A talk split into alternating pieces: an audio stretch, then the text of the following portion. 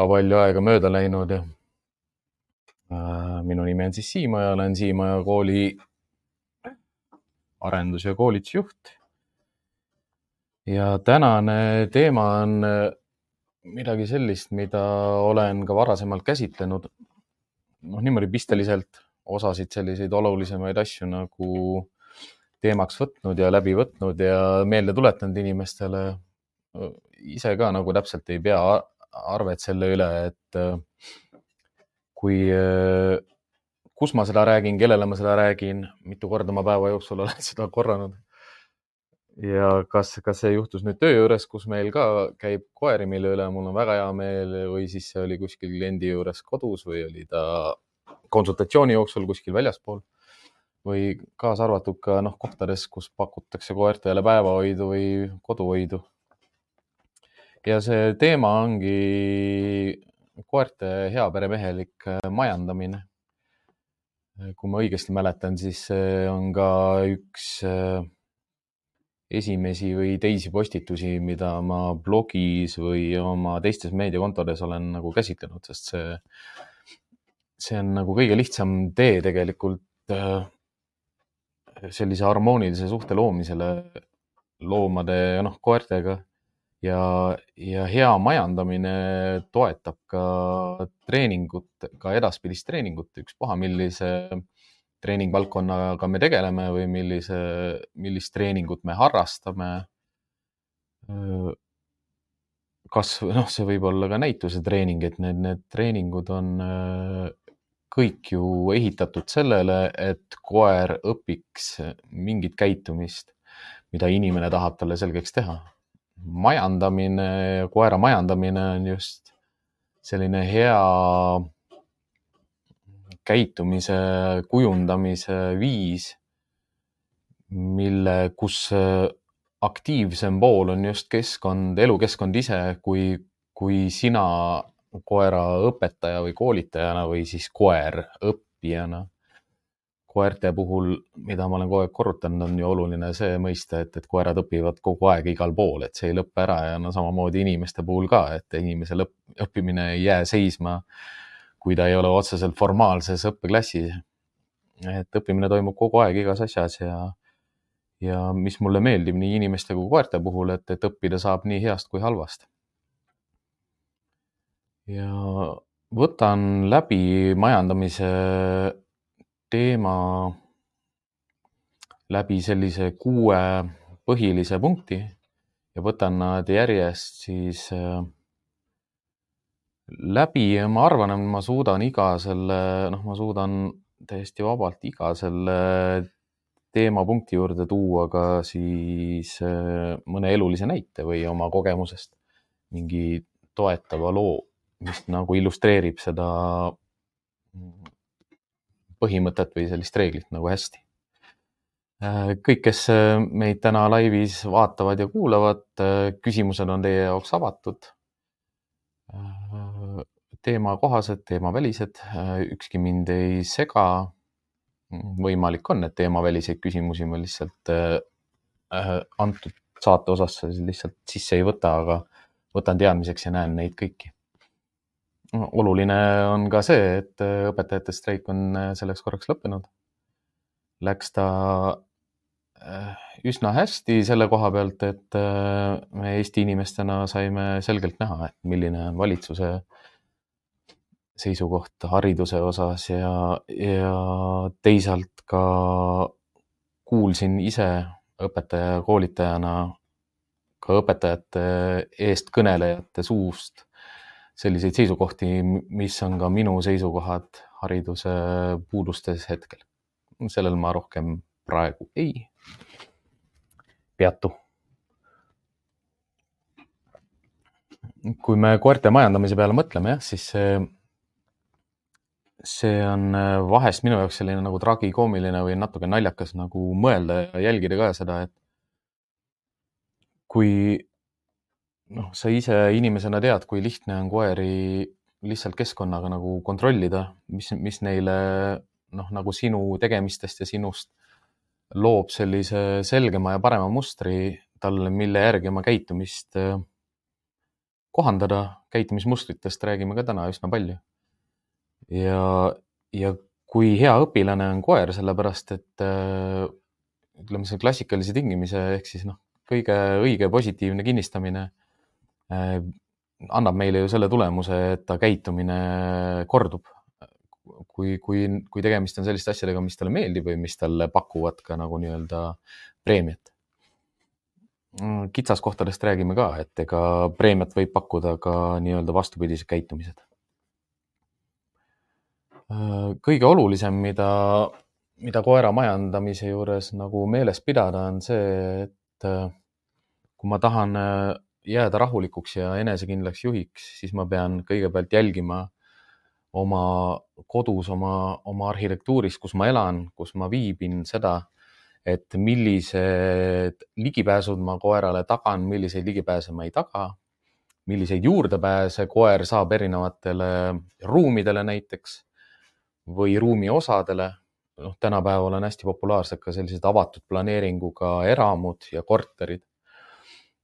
Mm, samamoodi kui noh, maja aiaga või ridaelamuboks selle maja taguse osaga või lihtsalt selline keset põldu maja, kus äh, aeda pole ja ma lasen koera lihtsalt sellesse keskkonda mida ta seal teha saab, mida ta seal teha võib, mida ta seal teha ei või. et neid asju me peamegi noh, heas, hea oleks, kui me saame seda kutsikast peale hakata talle õpetama või näitama või sellist keskkonda looma. aga ei ole ka üldse mitte mingit takistust nagu päevapealt koera elukeskkond ümber muuta ja ta kohaneb ja õpib selles keskkonnas uuesti olema, noh, see, kes ta on, koer jääb koeraks, olenemata sellest nagu, et, et kuhu keskkonda sa ta paned, millisesse kultuuri sa ta viid, et et ükski, ükski kultuur ei riku otseselt nagu noh, koera ära. et noh, ei saa rikkuda, sest koer on koer, noh, kui me räägime, et Tais võib-olla süüakse koeri, aga, aga ega seda käitumist ei, ei kuidagi ei morjenda või ei muuda. ja kui me ligipääsu peale mõtleme, siis ongi üldiselt mina pean oluliseks ja heaks sellised tavad nagu, et koera, koer ei käi sellistes ruumides nagu köök ja magamistuba.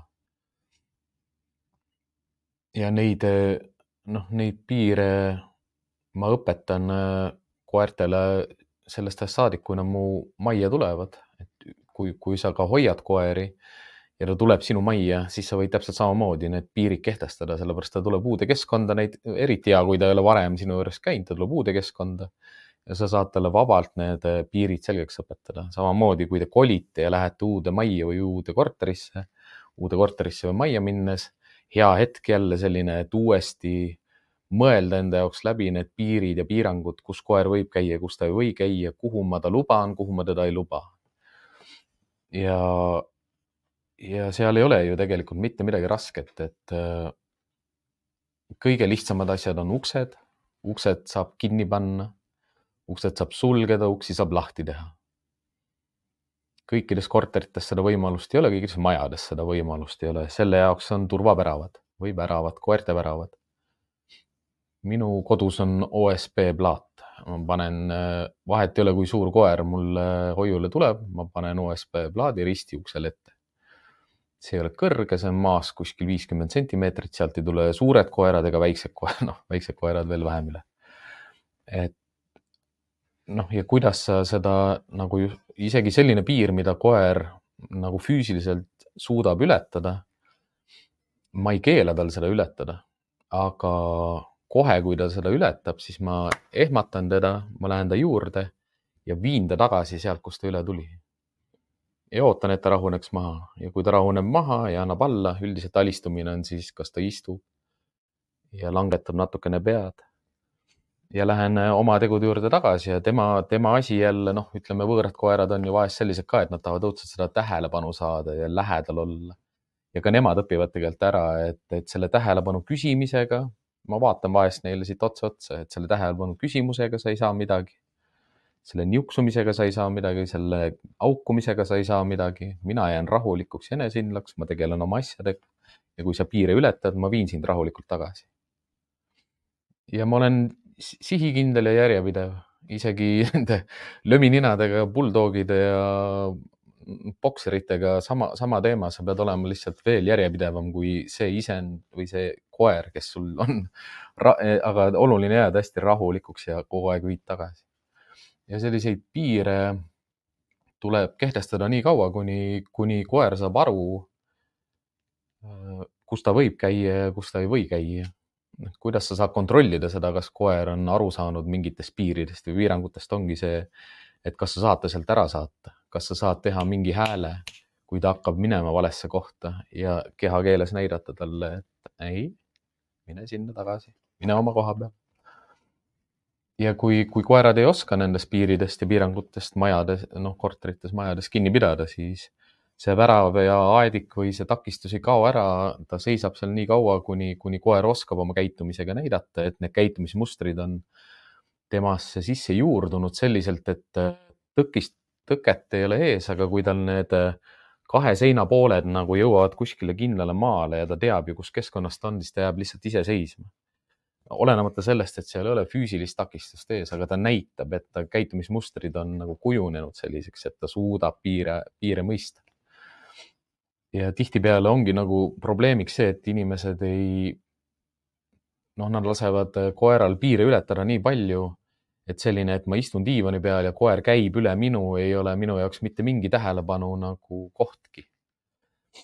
Ja noh, see on juba ju ammu pikalt nagu rong läinud selles mõttes, et ega kui, kui koer käib üle sinu ja sinu peal ja sinu niimoodi, et sa oled justkui mitte midagi, siis, siis sealt hakata tagasi minema sinna, kus ta peaks olema, võib-olla üldse eraldi ruumis ja mitte elutoas koos sinuga, noh, see on ikka pikaajaline sihuke väikeste sammudega järjest pikenev nagu nii-öelda reegel, mida ma ikkagi õpetan sulle selgeks, sellepärast et äh, selline arusaam koerale, et mida võib teha, mida ei või teha, kus võib käia, kus ei või käia, on, on niisugune hästi hea ja lihtne viis lihtsalt majandada seda, et koer ei ületaks piire ilma lubamata, ilma lubamata või, või ilma sinu kutsumata, et või sinu käsi, käsuta näiteks, et mine.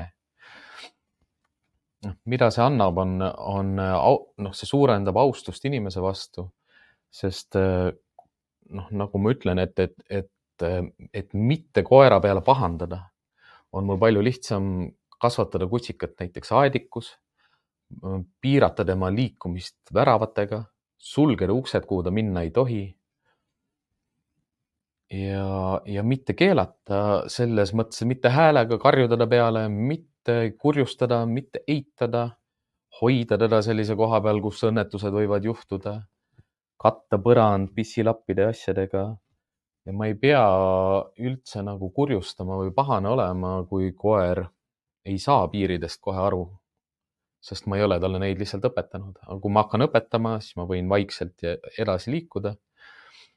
ja sihuke noh, hea, hea näide on näiteks see, et kui koerad on teil sellised nagu kleepekad küljes, et nad ei jäta teid oma pead, nad jälitavad teid kogu aeg igale poole siis selle käitumise mured on sellised, see võib olla nii hirm kui ärevus, kui ka erutus, kui ka omastamine, kui ka foobiad ehk siis noh, hirm ongi tavaliselt foobiatega seotud ja sundmõtted. Ja, ja sellest jälitamisest tuleks lahti saada just sellepärast, et koer oleks rahulikum, tal oleks vähem stressi. siis ma alustaksingi juba sellest näiteks, kui ma tavaliselt luban koera endal diivani peal minu vastu ja minu peale tulla siis ma hakkan selliseid piire kehtestama, kus ma lihtsalt käega blokeerin, et ta ei saaks minu juurde tulla. ma ei pea talle ütlema midagi, et ei, ei, ära tule, mine eemale. vaid ma võingi lihtsalt blokeerida ja see võib muutuda ka selliseks lõbusaks mänguks, kus koer erutab või siis vihastab, sellepärast et talt võetakse mingid piirid ära, mida ta tegelikult võib teha, aga mitte keegi pole talle öelnud varem, et ta ei tohi ja osad koerad võivad konfliktis hakata mängima või mänguliseks muutuma ja see tuleb lihtsalt ära oodata, kuni ta selle auru välja laseb ja selle justkui nagu naerupahvaka üle elab ja, ja näitab sulle kehakeeles, et ta suudab distantsil olla. Ja see, et, et kui kaugele me selle distantsi nagu kehtestame, see on, see on täielikult nagu iga inimese enda valida sest lõppkokkuvõttes on see ikkagi ju küsimus selles, et, et kui ma keelan tal mingeid piire ületada, siis ta võiks must aru saada. ja teine asi see, et, et ta hakkaks ka küsima ja ootama, et ta saaks midagi. sellele ei pöörata tähelepanu, see on nagu karm nagu mõnes mõttes. et, et, et, et see sissetungimisel ja, ja külla kutsumisel on nagu hästi suur vahe, et koerad saaksid aru, et, et neil on kasulikum nagu oodata ja koputada, mitte tungida sisse niimoodi, et ilma, ilma kutsumata, ilma küsimata ja noh, muidugi ligipääsu ja juurdepääsuga hästi suur selline noh, häirekell alati nagu kõliseb, on ju aiad ja, ja aedades lahtiselt olevad koerad. Et sama asi jälle, et kui ma toas õpetan talle mingeid piire ja piiranguid selgeks, sama seda, et tema tähelepanu nõudmised ja häälekus ei, ei pane mind liikuma ja teda vabastama ja tema piire maha võtma. noh, kui te kui koerad on üksinda aias ja, ja õpivad seal üksi olles erinevaid lollusi, nad ei tea neid piire ja reegleid, mis aias kehtivad. Nad hauguvad möödujate peale, nad ajavad linde taga, nad kaevavad auke, nad jooksevad mööda aeda ringi. et seal on hästi raske piire ja piiranguid õpetada, kui ma ise ei ole koeraga aias, samal ajal kui ta on vaba, vaba selles ruumis noh, ma ei läheks nii kaugele täna, et, et ma hakkan jalutuskäigust ja, ja jalutamisest rääkima. Sest see ei ole majandamise osa, see on juba nagu liikumise õpetamine ja see, milline on karja struktuur. aga mida ma saan majandades teha, on see, et ma ei lase oma koera üksinda õue. ja kui ma lasen ta üksinda õue, noh, kui ma lähen pigem niipidi, et kui ma lähen temaga koos õue, aeda, ma tean, et mul on piir ümber, noh, mul on turvaline ma tean, et ta ei lähe ära. Ma ikkagi olen koos temaga seal õues ja juhendan teda, mida ta teha võib, mida ta teha ei või, mida ta teha saab ja mida on teha vaja. noh, kas see on kutsikate puhul pissimine, kakamine no,, oleneb jälle ju jälle sellest keskkonnast ja kus ma elan. ja noh, kui ma olen linnakeskkonnas ja elan korteris, noh siis me ei saagi rääkida enam nagu majandamisest, kui me lähme juba korteri uksest välja. et seal ei ole enam nagu majandamisega midagi pistmist majandada koera ma saan veel võib-olla koridoris äärmisel juhul. aga pigem, pigem see majandamise piir lõpeb teie korteri välisuksega ära, et kõik, mis välisuksest sissepoole jääb, on see, mida te majandate koeral. ja see hea peremehelikkus ongi seal see, et äh, ma lihtsalt piiran tal ligipääsu ja takistan tal liikumist kohtades, kus ta ei saa eksida. ja ma ei jäta laiali asju, mida ta, kus ta saab, millega ta saab eksida ja see järgmine punkt, mis majandamise juures on, ongi see nii-öelda turvaliste kohtade tekitamine või sellise turvalistes kohtades hoidmine või, või turvaliste tegevustele suunamine, turvaliste tegevuste nagu juhendamine. et noh, selle peale inimesed tihtipeale ei mõtle, et, et kui koer, koer on toas ja tal midagi teha ei ole, siis tal on justkui nagu vaba aeg. aga koerad ei oska oma vaba aega alati äh, väga hästi sises, sisustada ja noh, mida ma näen, on see, et koertele on tehtud akende peale mm, pikutamise kohad, uste ette magamiskohad nad magavad äh, diivanite peal, laudade all, kuskil rõdu peal, äh, aknalaua peal, neil ei ole kohta, kuhu minna, nad on äh, võib-olla ka paigutatud inimesele alati lähedale, voodi kõrvale, jalgade ette, tii-, noh, tugitooli kõrvale. ja me mõtleme justkui, et see on nagu see, mida koer tahab ja need on justkui need kohad, kus talle meeldib olla ja ta, ja ta justkui nagu graviteerub kogu aeg nende niisuguste ülevaatlike ja kontrollivate kohtade peal. noh, hea, hea majandamine ongi see, et kui me need kohad, kus ta ennast turvaliselt saab, saab tunda, ise paigutame ka selliste kohtade peale, kus on reaalselt turvaline. noh, minu selline turvalise koha need kriteeriumid on pime, kuiv, vaikne ja soe. ja need äh, linnukesed peavad justkui kõik, kõikide, kui ma tahan talle nagu seda turvalist kohta mõtestada, siis ma proovin vähemalt alati kolm nendest punktidest nagu täita. kas ta, noh, kuiv, me saame siseruumides alati tagada, soe saame siseruumides alati tagada, pime saame tagada siis, kui noh, me katame kinni või tekitame seda hämarust ja, ja kuiv, noh, ongi soe, pime, kuiv ja turvaline. turvaline tähendab seda, et äh, sisuliselt võiks olla tagatud selline sada kaheksakümmend kraadi kaitse, kakssada nelikümmend kraadi kaitse on hea, kolmsada kuuskümmend kraadi on kõige parem kaitse.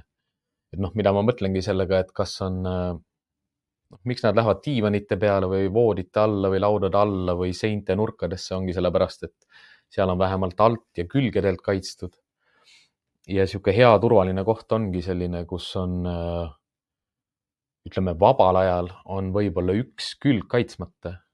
ehk siis koera jaoks ei võta suurt pingutust, et kaitsta vähemalt ühte külge. ja, ja siis ongi see nagu äärmus siin teisest küljest nagu, kus koerad magavad keset koridori, keset tuba vaiba peal, diivani peal Äh, maast laeni akna kõrval. akna ees, mis algab põrandast ja läheb laeni ja on viiendal korrusel. või siis sätitakse veel niimoodi trepimademete peale, kus on väike aken, et koer saaks välja vaadata ja see koer on näiteks Jack Russell. Ja inimesed ei mõista seda, et äh, see koer valib selle koha mitte sellepärast, et seal on hea, mugav olla, vaid ta valib selle koha sellepärast, et tal on, äh, ta valvab seal või kontrollib seal liikumist ja ei märgata seda, et äh, selleks, et ta saaks rahulikult olla, madalama stressitasemega, paigutada lihtsalt see magamise koht teise koha peale. Ja juhendada teda ja suunata teda nii palju kui võimalik just nende kohtade peale magama, mille sa oled talle mõtestatult nagu paika pannud ja sel selgeks äh, teinud enda jaoks, et need on need kohad, kus tal on turvalisem kui te ei ole sellised nagu puurifännid või, või te ei ole leidnud endale sellist mõnusat disain, äh, mingit pesa mis ka on kaetud võib-olla ümberringi või teatud külgede pealt. Et siis, äh, siis kasvõi vaadata enda korteris niimoodi ringi, et kas ma saan selle diivani tõmmata seinast eemale. seal on kohe kaks seina, tagumine sein, küljed kaitstud. hämaram ka tõenäoliselt, sellepärast et see diivan on kuskil hämara koha peal mis mul tulebki meelde, on see, et ma elasin ka ühes sihukeses nagu üsna avatud planeeringu korteris. ja need kohad, mis koer valis, need olidki rohkem alati seotud sellega, et, et kus on nagu hämaram, vaiksem, vähem liikumist. mul oli selline Pekingi Polee ja Polonka segu koer, ta oli hästi vana ja tark juba ja, ja see, mida ta mulle õpetas enne seda, kui ma teenistuskoertega hakkasin tegelema või üldse koeri treenima oli see, et äh, ma nägin lihtsalt paigutuse põhjal, et, et ta läheb kogu aeg ühe koha peale. lõpuks noh, ma viskasin talle lihtsalt sinna mingi rätiku või mingi lapi maha, et, et ta täitsa lihtsalt noh, puupõrand ei ole ka halb variant, kus peal nad pikutada saavad. ja seal ta oli, seal ta istus, seal ta käis, kui ta sealt ära läks, siis ta läks õue, kui ta õuest tuli ja ära sõi ja jõi, siis ta läks jälle sinna tagasi. ta ei pikutanud kunagi keset tuba, keset koridori, mitte noh, ta ei käinud diivanite peal ega midagi, ma ei, ma isegi ei oleks nagu osanud sellel ajal üldse mõelda selle peale. Ainuke aeg, kui ta voodisse tuli, oli siis, kui väljas müristas ja sadas vihma. ja see koer õpetas mulle väga palju, kaasa arvatud oma elu lõpus seda, et eh, mida tähendab usaldus inimese vastu. et mida tähendab koera usaldus inimese vastu kui ta austab sind, kui ta usaldab sind siis äh, see suhe on nii harmooniline ja nii selline tingimusteta armastus, mis töötab lihtsalt. Ja ainukene asi ju, mida mina teadsin, on see, et ta on pisikene koer, kes magab elutoas seal diivani kõrval seal nurgas nagu nott ja on rahulik ja chill ja suhtleb hästi inimeste, loomade, lastega, noh, kõigega. ta oli äärmiselt sotsiaalne ja hästi õppinud ma ei osanud seda sellel ajal niimoodi veel noh, vaadata justkui see läbi selliste prismade, et mida ma, mida ma veel tulevikus nagu koerte ja kohta õpin, aga nüüd tagasi vaadates ma saan äh, järjest rohkem aru, et kui, kui palju väärtusi see koer endas veel hoidis nagu minu peres nagu mulle õpetades. ja kui äh, tänamatult selline raske võib olla tänapäeval nagu osadele koertele lihtsalt nende piiride ja piirangute õpetamine, sest ta ei ole ta ei ole kas siis oma karjas sellisel positsioonil või ta ei, ta peab vajalikuks teha seda tööd ehk siis valvata ja kontrollida või siis on juba obsessiivkompulsiivne ehk siis selline sundmõtete või foobiatega ehk siis kas ta jäli, jälitab või omastab inimesi ehk siis käib neile kogu aeg järgi. jälle see, see teema, et äh, koer on hea meelega selles turvalisemas alas ja turvalisemas kohas, kui ma tekitan selle ja võimaldan tal olla rahulikult turvalises kohas. kõige suurem selline võit, mida sa inimesena võid koeralt saada, ongi see, kui, kui inimesed on toas ja, ja kari on koos ja koer magab niimoodi, et ta norskab, siis see on sinus ka selline teadmine, et ta usaldab ja austab sinu olekut ja olemist nii palju, et ta jääb magama, kasvõi keset põldu, sest ta ei muretse. Ta usaldab sind, ta teab, et sa kaitsed teda. ja sellist turvatunnet nagu tasub koertega, noh, ongi niisugune sõna, kultiveerida või koguda. et, et ta õpiks sind usaldama, et ta õpiks sind austama ja ta, kui sina seisad püsti, siis ta magab nagu nott. sest ta usaldab, et sina valvad kus inimesed nagu lähevad äh, alt, ongi see, et, et kui on sellised klepekad koerad, siis nad ju ei saa magada pikalt ega rahulikult ega, ja ega püsivalt. samamoodi kui inimene liigub ja ta jälitab teda kogu aeg, siis ta ei puhka ja ei maga. kui inimene istub maha ja sellel ajal ta on paigal, siis ka see paigal olles, see koht on vale koha peal, kus ta tegelikult kuulab autode hääli, vaatab aknast välja ja jälgib samal ajal välisust et või siis, kui peres on veel teisi inimesi, siis ta jälgib neid teisi inimesi ja, ja ta ikka ei saa magada ja puhata. Jälle jõuan selle ärritid ja stress ja erutus nende juurde, kus, kus stressi mõju osad koerte kehadele, mõistusele, vaimsele tervisele on nii, nii ränk, et lihtsalt ta keha ütleb, hakkab üles ütlema selle stressi tõttu, mida ta peab tajuma selles keskkonnas, kus ta elab. noh, see on, see on tõenäoliselt puhtalt nagu minu jaoks nagu hüpoteesi tasemel praegu, et ma ei ole uurinud ja ma ei ole uurimust läbi viinud ega eksperimenti, aga niisugune isiklik kogemus ütleb lihtsalt seda, et ma saan koera stressitaset vähendada sellega, kuidas ma teda majandan, kuidas ma iga päev temaga elan. Ja noh, sihuke hotell, hotellis töötamine on nagu hea kogemus selles suhtes, et eriti kui sul on selline hotell, kus iga boksi kohal on kaamerad ja kui, kui sa oled hommikuse jalutuskäigu ära teinud ja kõigile söögi ära andnud ja söögikausid kokku korjanud, siis sa lähed kabinetti, võtad koerte kaamerad lahti ja vaatad, mida nad teevad. ja vastavalt sellele, mida sa näed, sa muudad nende elukeskkonda selliselt, et ta tunneks ennast turvaliselt jah, vabalt on selliseid koeri, kes võivad seal Betsiti, ah, see üks koeraboks on mingi sihuke poolteist korda poolteist meetrit. ta ei ole suur, aga ta on osade koerte jaoks, jaoks ikkagi liiga suur. ja noh, meil oligi alati seal, kas siis puure võtta, pesasid leida, tuled kustu panna alati said selle koera kesk, elukeskkonda muuta selliselt, et ta lõpuks tunneks ennast turvaliselt, turvaliselt ja jääks magama. ja sealt, äh, seal ma nägin ka kaamerast nagu erinevaid koerte käitumismustreid, tarku koeri, rumalaid koeri, osasid koeri, kes üldse päeva jooksul ei liigu, osad koerad, kes lihtsalt seisavad päev läbi püsti.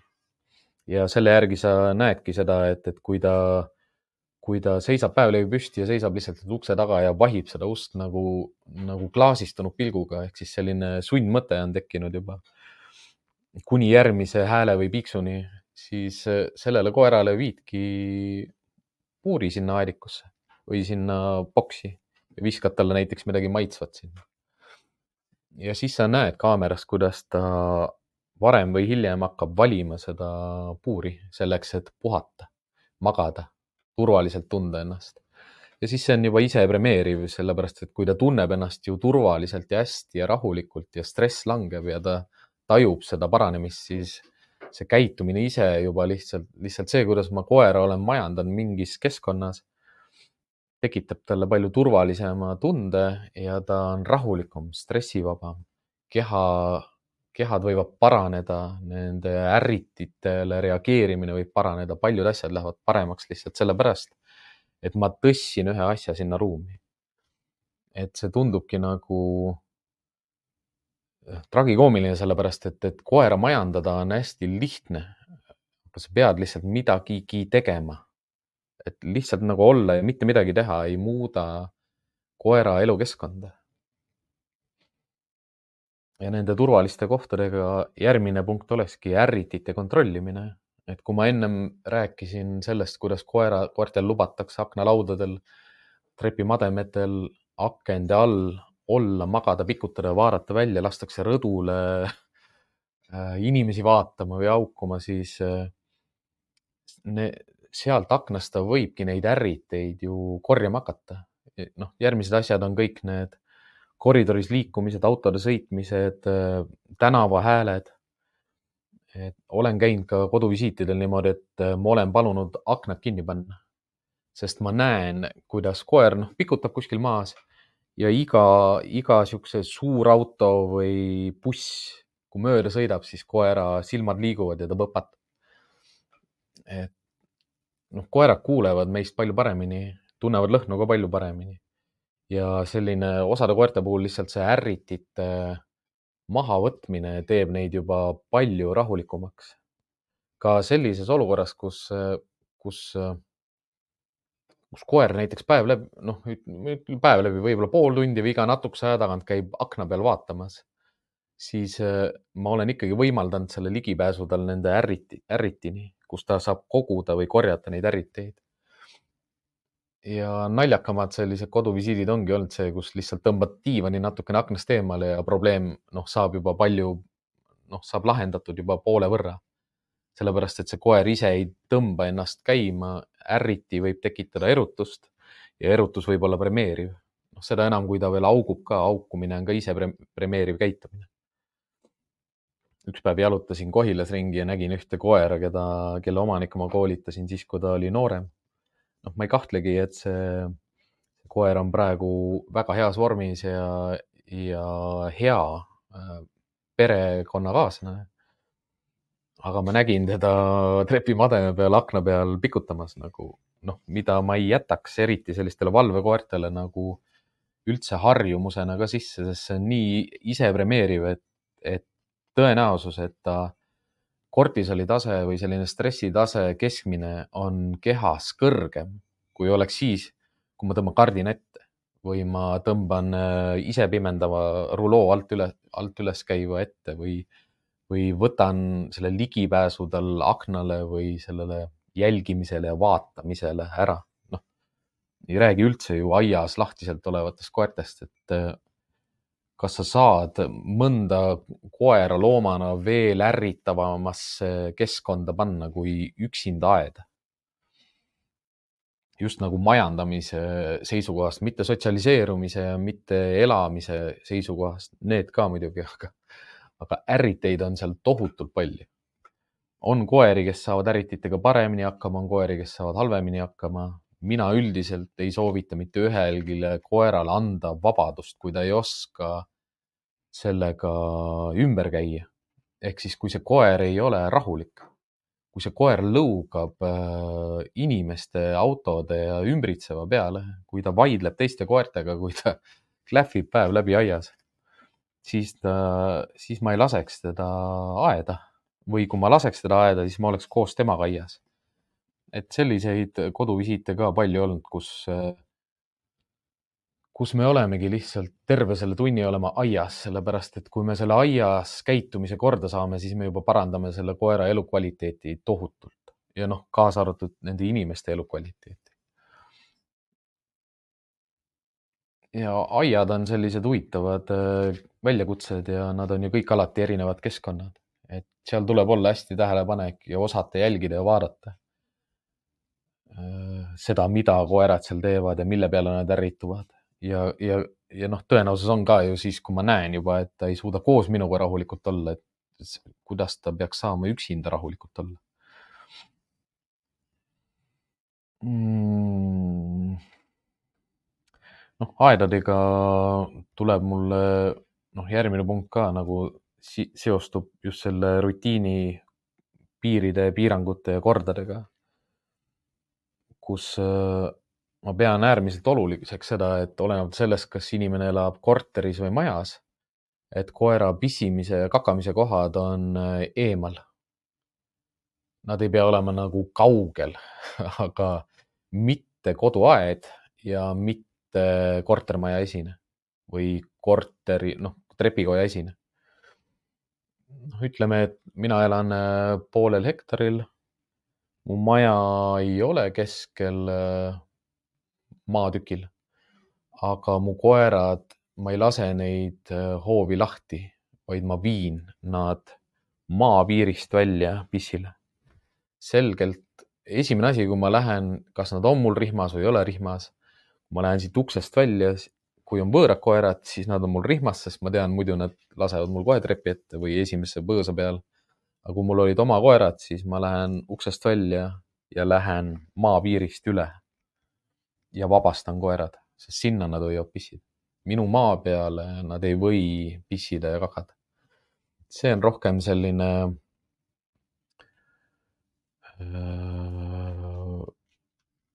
noh, hea hea nagu selleks, et ta ei hakkaks markeerima kas siis oma seda territooriumit või maja või aeda selliselt, et ta hakkab seda territooriumit kaitsma. Sellepärast, et ta on selle ära markeerinud ja kui ma olen joone maha tõmmanud, siis sina ei ületa seda ja noh, seda nad tihtipeale ütlevad teistele inimestele ja loomadele, et sina ei ületa minu tõmmatud joont. ja selline selgete rutiinide selgete piiride, piirangute ja korra mm, majandamine koera elus. Alates sellest, kus ta võib käia, kus ta ei või käia, kus ta magab, kus on tema turvalised kohad, millistele ärrititele ma ei luba tal või noh, ma ei soodusta talle ärrititele reageerimist. et kõik need moodustavadki tema jaoks sellise rutiini, mis, mis käib ja toimub päevast päeva ühtemoodi, selgelt, selgelt piiritletud seinad, aedikud, uksed, väravad. Et ta saaks aru sellest, et äh, mida võib teha, mida ei või teha. kus olla rahulikult, kus, kus olla aktiivsem, noh, ütleme, et ma lähen mängima temaga pigem metsadesse, põldudele, treeningplatsidele, treeningsaalidesse. ka alati kodust eemale ja ma õpetan talle just nagu majandamise seisukohast just meelega selgeks selle, kuhu ta võib pissida ja kuhu ta võib kakada. mida see soodustab, on see, et mul on palju parem kontroll tema põie ja siis soolkonna nagu liikumise üle või sellise tühjendamise üle. et ma tean teda viia nendesse kohtadesse just vastavalt sellele rutiinile, mis on tekkinud. Ja kus ma tekitan talle sellised käitumismustrid ka, et ta teab, et kui ta liigub kodust välja, siis pissimise koht on seal. tihtipeale ju sinna on juba lõhn ette tekkinud, sellepärast et ma viin teda kogu aeg sinna ühe ja sama koha peale. kohe, kui ta seda pissilõhna tunneb, siis ta pissib jälle uuesti. tõenäosus on, et nad kodu lähedale niikuinii ei kaka, kui ta just ei ole mingi kaksteist tundi üksinda olnud. et ma saan liikuda temaga veel kodust kaugemale, liikumine käivitab tema seedekulda ja siis ta kakab, tihtipeale on parem, kui koer viia natuke teelt kõrvale, kus on natukene kõrgemat rohelust. ka turvalisem koht, sest see kakamise aeg on ka nende jaoks väga ohtlik. ja seda ei pea nagu passima peale, et, et mida ta teeb. ja mida see tekitab, ongi sellise hea nagu rutiini, kus ta teab, kus on see pissimise koht, kus on kakamise koht ja tihtipeale, kui seda pikalt nagu korrata, siis nad ka ja ütleme, et kui jalutuskäik on ka korras niimoodi, et ta ei juhi jalutuskäiku, et tal ei ole vaja territooriumit markeerida, tema ei ole juhtiv koer, siis nad tihtipeale ju pissivad. noh, ma olen näinud selliseid koeri hotelli, noh hotellis kõikide koertega ma tegin ju. Nad pissivad sinna betsiti taha, seal on üks selline suurem kivi ja sellest üle, üle selle muldtee, kõik emased koerad, isased koerad, suured, vanad, väiksed, kõik pissivad ühe koha peale. Noh, kas ühele poole teed või teisele poole teed, aga ikkagi, kuna seal on nii palju selle lõhna, siis nad pissivad sinna ühe koha peale. ja kakamise koht on äh, otse paremale üle tee ja üks, poolteist tänavat edasi ja sinna ma viin nad kakale ja kõik hotellikoerad kakavad ühe koha peal. noh, mida sa sellega saad, ongi see, et, et kui sa oled hotellipidaja või hoiupidaja siis äh, ka see rutiin on kõikidel koertel sama. ja kuna see lõhn ütleb neile, kuhu pissida, kuhu kakada, siis see kordab noh, väga lihtsalt no,. koerad on selles osas nii lihtsad äh, loomad ja selline hea rutiin neile tekitada just selle majandamisega, et, et ma olen valinud ja määranud ära need pissimise ja kakamise kohad ja ma kasutan neid iseenda ja tema kasuks sest ka temal on selge märgid alati ees, et siia ma võin pissida ja sinna ma saan kakada, et, et ma ei pea muretsema selle pärast ja, ja need põõsad on niisugused head ja mõnusad kohad. tavaliselt noh, ma ei koristanud äh, ära ka, sest kui ma räägin ikka põõsast, siis ma räägin seda, et ma läksin tee pealt nagu kõrvale ja siis natukene veel. et kui te Kakumäe teed teate, siis seal need aiad on äh, sellest kõnniteest sihuke kümme-viisteist meetrit nagu kaugemal, osades kohtades natuke lähemal, aga seal on põõsad ja, ja kohad, et noh, osade koertega jõuad vabalt sinna Kakumäe metsa ka välja, et ja noh, seal ma lasen nad juba lahti. et siis pissigu ja kakagu nagu esimesse kohta, kuhu nad saavad, sest tõenäoliselt noh, neid võimalusi tekib veel, kui ta on vaba. ja noh, pissimise kakamisega ma teen jah seda, et ma lasen jalutuskäigu ajal koertel iga viieteist, kahekümne minuti tagant jälle ennast tühjendada. Nad ei pea tühjendama, aga ma annan neile selle võimaluse nuuskida ja tühjendada. Kõige parem on muidugi, kui nad õpivad juba selle karjastruktuuri selgeks ja saavad keeldudest ja käskudest ja piiridest ja piirangutest aru ja kuulavad su sõna ja siis sa saad nad lahti lasta ja siis neil on rohkem sellist vaba voli pissida ja kakada endiselt veel kohtadesse, kus sa vabastasid nad. Aga mitte lihtsalt suvaliselt iga kivi ja puu ja künka ja märgi peale noh, seda neil ei ole vaja üldse teha ja see võib muutuda samamoodi nagu obsessiivseks käitumiseks, kus nad kordavad lihtsalt seda selleks, et seda korrata. ja noh, see tulebki majandamises ka nagu järgmise punktina ongi sellised Äh, koera õigused, koera vabadused ja koera võimalused nagu elus on äh, need, mis ta teenib välja minu heaperemeheliku majandamise piiride, piirangute, reeglite, kordade ja piiridega.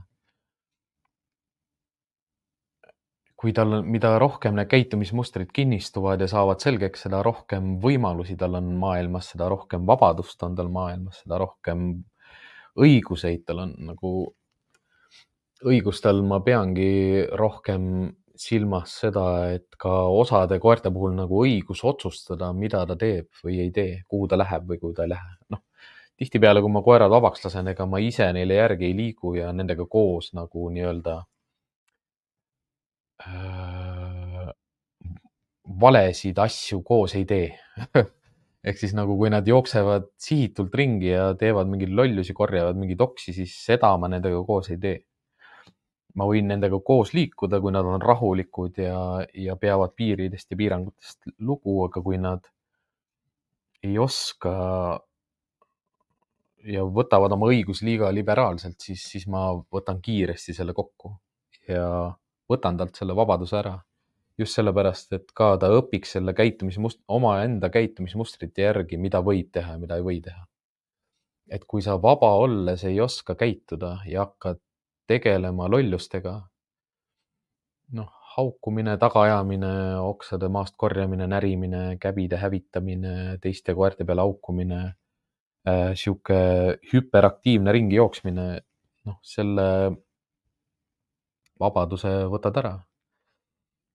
ja noh, koera elu jooksul tegelikult, kui, kui need nii majandamine juba aitab tal selgeks saada seda, et kes ta on ja mis ta rollid on ja mida ta peab tegema ja mida ta ei pea tegema, kas ta peab valvama, kas ta peab kontrollima, kas ta peab järel käima, kas ta peab koos ja vastas olema, kas ta, kas tema on see, kes kaitseb ja pakub turvalisust või oled sina see, kes kaitseb ja pakub turvalisust.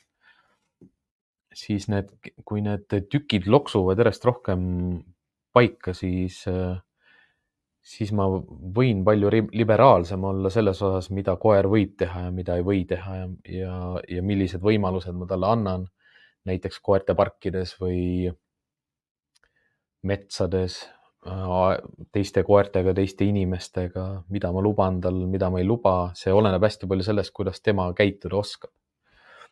ja mida rahulikum, mida stressivabam, mida tasakaalukam koer on, seda rohkem õiguseid ja vabadusi ma saan talle anda.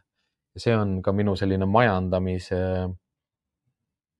üks nagu printsiip või punkt, et ega kui sa oled tubli ja viisakas koer, ega noh, tõenäosus on, et ma räägin nendega veel vähem, kui ma enne nendega rääkisin ma räägin koertega üldiselt nagu väga vähe. et kui ta ju oskab käituda, siis ma ei pea teda keelama, siis ma ei pea teda kutsuma, siis ma ei pea sisisema, susisema, plaksutama, nipsutama, mitte midagi. et nad äh, ongi tublid nagu kogu aeg, nad vahest üllatavad sind nagu sellega, kui asjalikud nad on. noh, see teine pool, et, et, et võõrad inimesed või ümberkaudsed inimesed ei mõista sinu koera, see jääb nagu alati, ega inimene ei pea teadma kõike, mida sinu koer teab, oskab teha või, või milline ta on.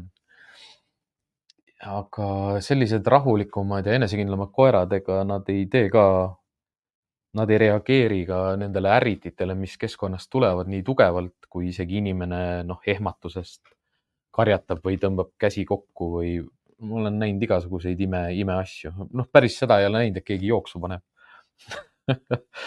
Aga noh, kasvõi see, et äh, su koer natukene kiirema sammuga liigub inimese suunas ja ta juba hakkab karjuma appi ja, ja sõimama, et noh, sa ise tõmbad ju endale nagu magnet seda jama külge ju, nagu olge rahulikud, et noh, tõen-, niimoodi tõenäosust ei saa jah, nagu tuletada, et et, et on tõenäoline, et mu koer on ju rahulik ja kõik inimesed saavad nagu kaugelt juba kehakeelt lugedes aru, et aa, ei, ta ei tee midagi.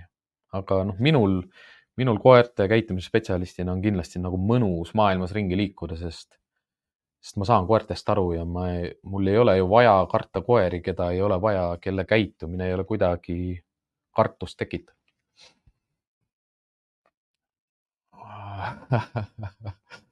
Kairi jäi hiljaks jah, aga eks ta on hea teema jah.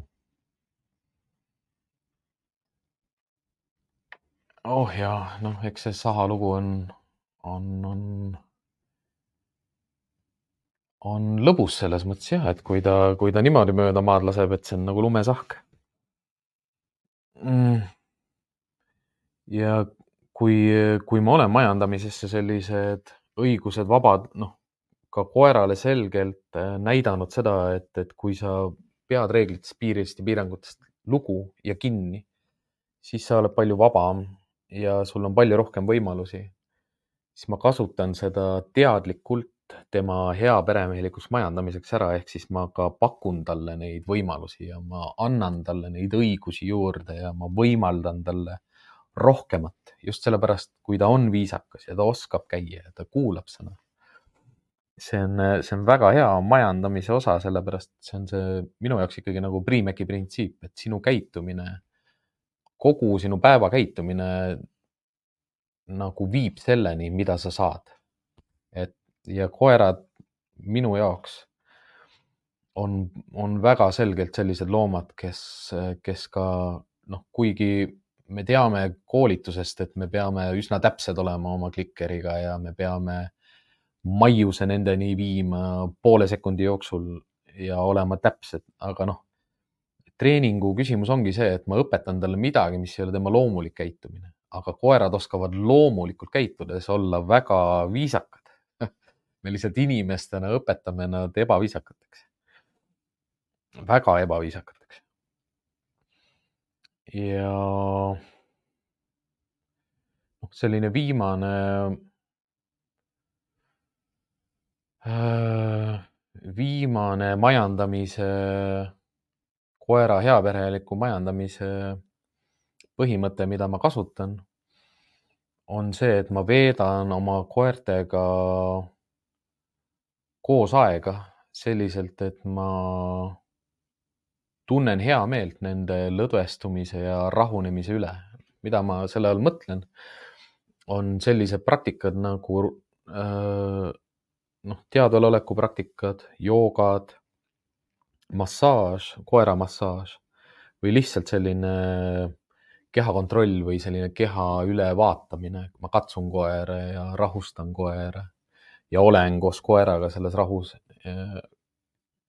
see on ka selline hea, hea majandamise võte, kus ma ei pea olema see mängukaaslane, kus ma ei pea olema see aktiivne pool, kus ma ei pea olema see, kes jookseb ja teeb ja on kõige lõbusam ja fun im, vaid ma olen just vastupidi, see rahulik, see soe, see turvaline ja ma kiidan seda rahu ja ma kiidan seda lõdvestumist, seda täielikku alistumist, seda lõdvaks laskmist.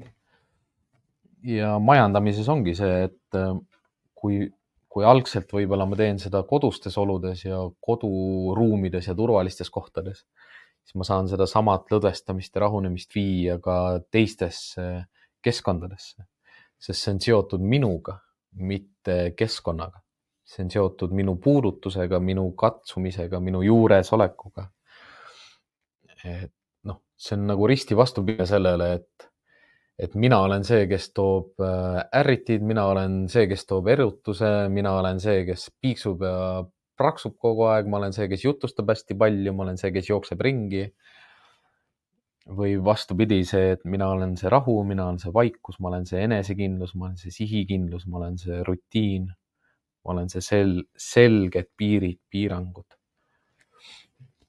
ma pakun seda struktuuri, ma pakun seda selgust ja ma ei vaidle, vaid ma lihtsalt kujundan sinu elukeskkonda selliselt, et sa oleksid rahulikum. ma saangi sellest ju üldiselt koera, kes on rahulikum, stressivabam. ta on õppimisvõimelisem, ta on kohal, ta suudab oodata, ta suudab kuulata, ta suudab nuusutada, ta suudab lihtsalt jälgida ja vaadata, sest ta ei ole nii ärev, ta ei ole nii errutunud, ta ei ole nii stressis. ja ma saavutasin selle noh, osadel juhtudel võib-olla sellise märksa ekstreemsema majandamisega, mida ma võib-olla endale nagu koputan õlale, et äh, selge, tänasest enam voodisse ei tule. homsest piiran diivanil ta liikumist üle minu.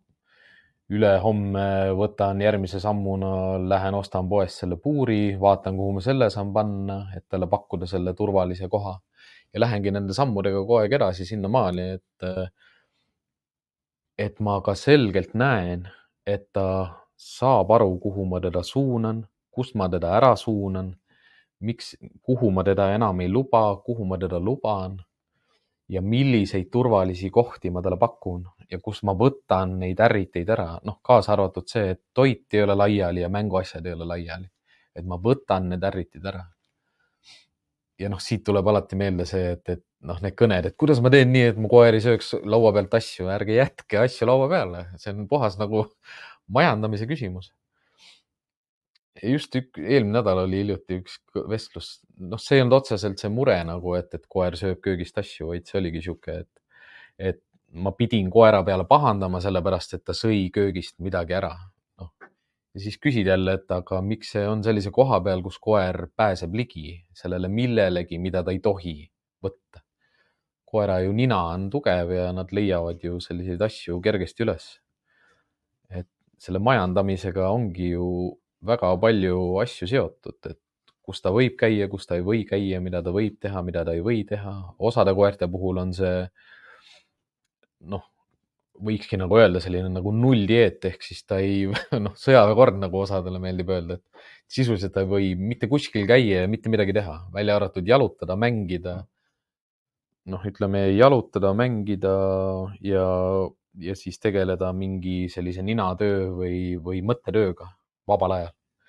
ja muul ajal ta on pigem nagu aedikus, puuris. noh, kuskil, kus tal on vähem liikumisruumi ja valiku ja valikuvabadust, võimalusi ja õiguseid.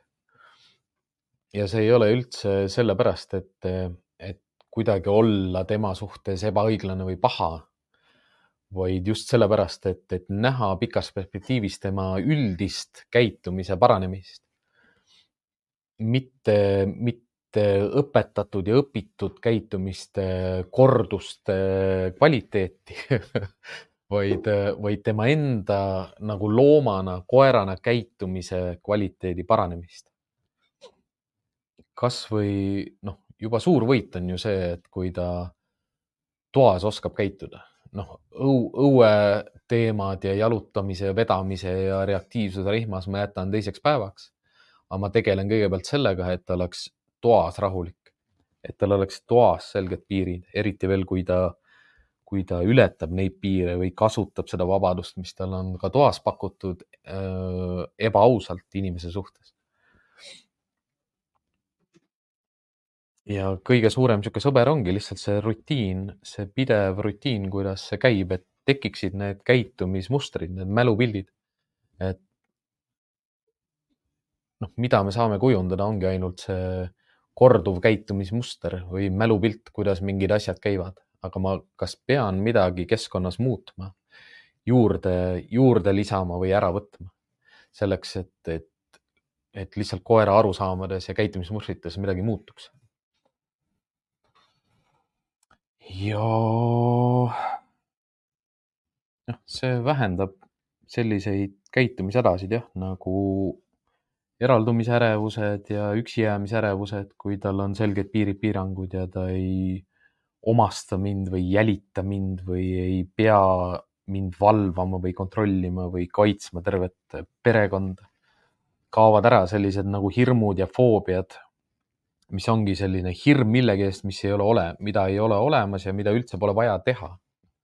ära vahi päev läbi aknast õue väheneb selline liigne erutus, mis on tingitud sellest, et ta on kogu aeg ärev ja valvel. iga praks ja plõks on kohe tuiskamine selle suunas või haukumine igaks juhuks ühe korra õhku või väheneb ka reaktiivsus, ehk siis ongi see, et, et koridorides saavad inimesed käia, majas saavad autod mööda sõita, sest tal on need turvalised kohad ja ja selged piirid ja liikumissuunad ja turvaline keegi, kes, kes teda kaitseb.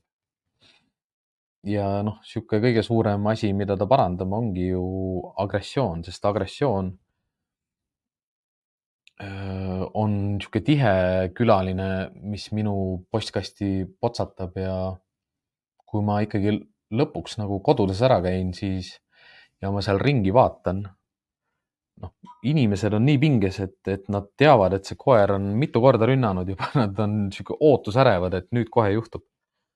ja ma ja ma lihtsalt hakkan vaikselt nagu seda keskkonda koeral nagu ümber muutma, ma, ma, ma ei ütle inimestele tihtipeale midagi, ma hakkan lihtsalt mänguasju kokku korjama, ära panema kuskile kapi peale. Ma korjan toidukausi maast ära, ma tõstan selle pesa, mis oli koridori otsas kuskile mujale nurka, koer ka vaatab mind suurte silmadega, imestab, aga need on niisugused hästi lihtsad asjad, mida saab kohe ära teha ja kohe enda jaoks ära mõtestada. kus ta magab, kus ta puhkab, kas see on turvaline, kas seal on, mis ärritid seal on, mis seal teda segavad, kas ta saab aru, et ta peab seal olema, kas ma olen teda juhendanud ja suunanud sellesse kohta? Kuidas ma saan teda aidata, kas, kas ma pean tõesti mingi osa kodust lihtsalt ära piirama. et ta ei saaks minna sinna, kus on ebaturvaline, kus on ärritid. hoida lihtsalt mõne koera puhul ongi selline hea majandamine, ongi ainukene vajalik nagu sihuke treeningvõte või, või, või treeningmeetod, mida on üldse vaja kunagi teha. Aga sellised asjad on enda jaoks nagu hea läbi mõelda. et kus ta liikuda võib, kuhu tal on juurdepääs, kas ma kasutan väravaid, aedikuid, kas ta on üksinda aias, kas need kohad, mis ma talle kodus olen loonud, kas need on turvalised, kas ma suunan teda sinna, kas ma juhendan teda seal olema, kas ma annan talle midagi head selle koha peal.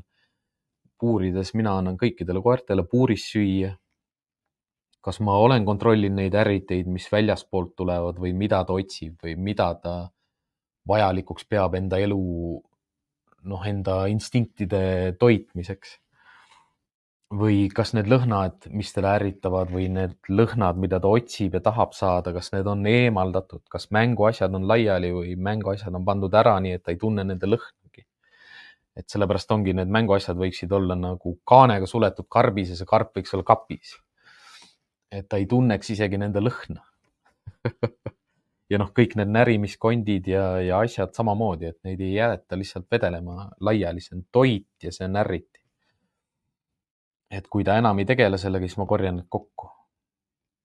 ja siis hakkabki tegele, tekkima see käitumismustrid, kus ta saab piiridest, piirangutest ja korrast aru.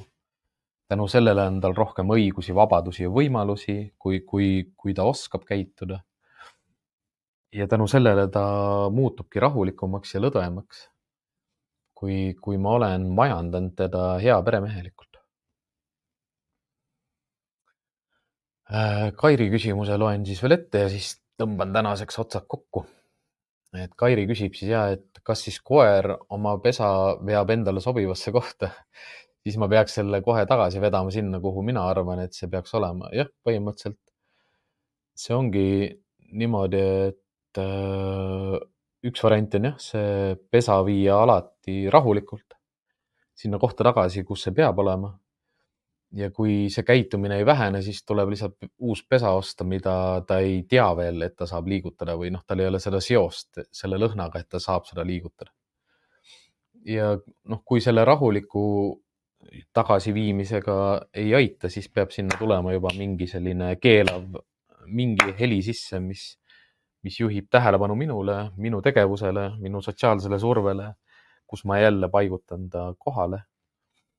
ja miski ei keela mul panna seda pesa maha, suunata või juhendada ta sinna pessa ja öelda talle tubli. see ongi see, mida ma tahan, et sa teeksid. iga kord, kui sa seda liigutad jälle, siis ma jälle hakkan midagi tegema. aga see tegemine ei saa olla see, et ma jagan sulle tähelepanu. ja ma räägin sinuga palju noh, sest tihtipeale võib olla juba lihtsalt see pesa liigutamine sellepärast, et, et sa tõuseksid püsti ja teeksid midagi. ma olen näinud äh, erinevaid selliseid koerte käitumisi, kus, äh, kus nad teevad midagi ainult sellepärast, et inimene tõuseks püsti, liiguks ja vaataks tema poole.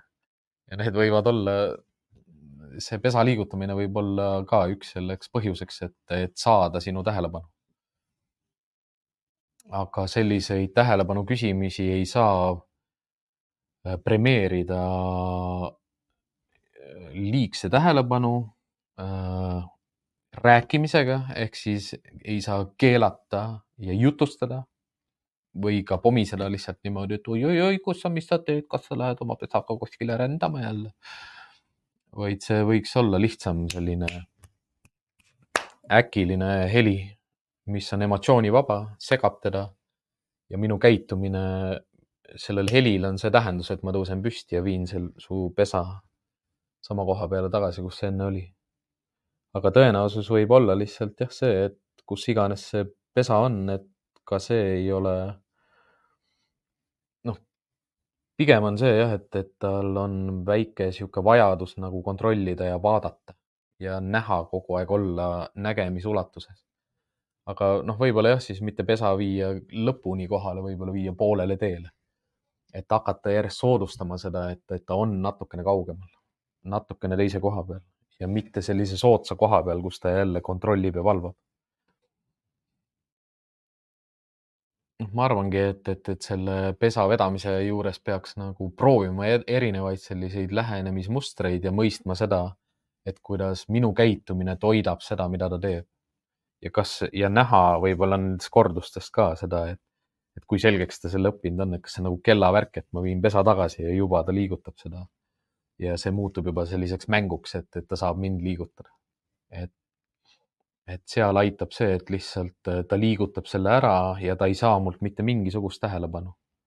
ei keeldu, ei kiitust, ei laitust, mitte midagi, eriti veel, kui ta seal pesas näiteks põrnitseb mind nagu niimoodi, et ta tahab saada selle tähelepanu. Võib-olla liigutaks selle pesa siis ära, kui ta on sealt pesast ära läinud üldse. noh, liigub edasi, sest ta ei saanud mu tähelepanu. noh, ma ei, ma ei ole ise seda käitumist näinud, et aga sellised mõtted lihtsalt tekivad selle käitumismustriga et see võib olla ka lihtsalt selleks, et saada tähelepanu. see võib olla ka selleks, et parandada oma positsioon, noh, oma kohta, kus tal on mugavam kontrollida ja vaadata. Ja see võib olla ka, noh jah, rohkem variante tegelikult ma ei näe. sest ma ei tea ühtegi koera, kes tahaks keset tuba magada, noh, kes nagu tahab keset tuba, noh.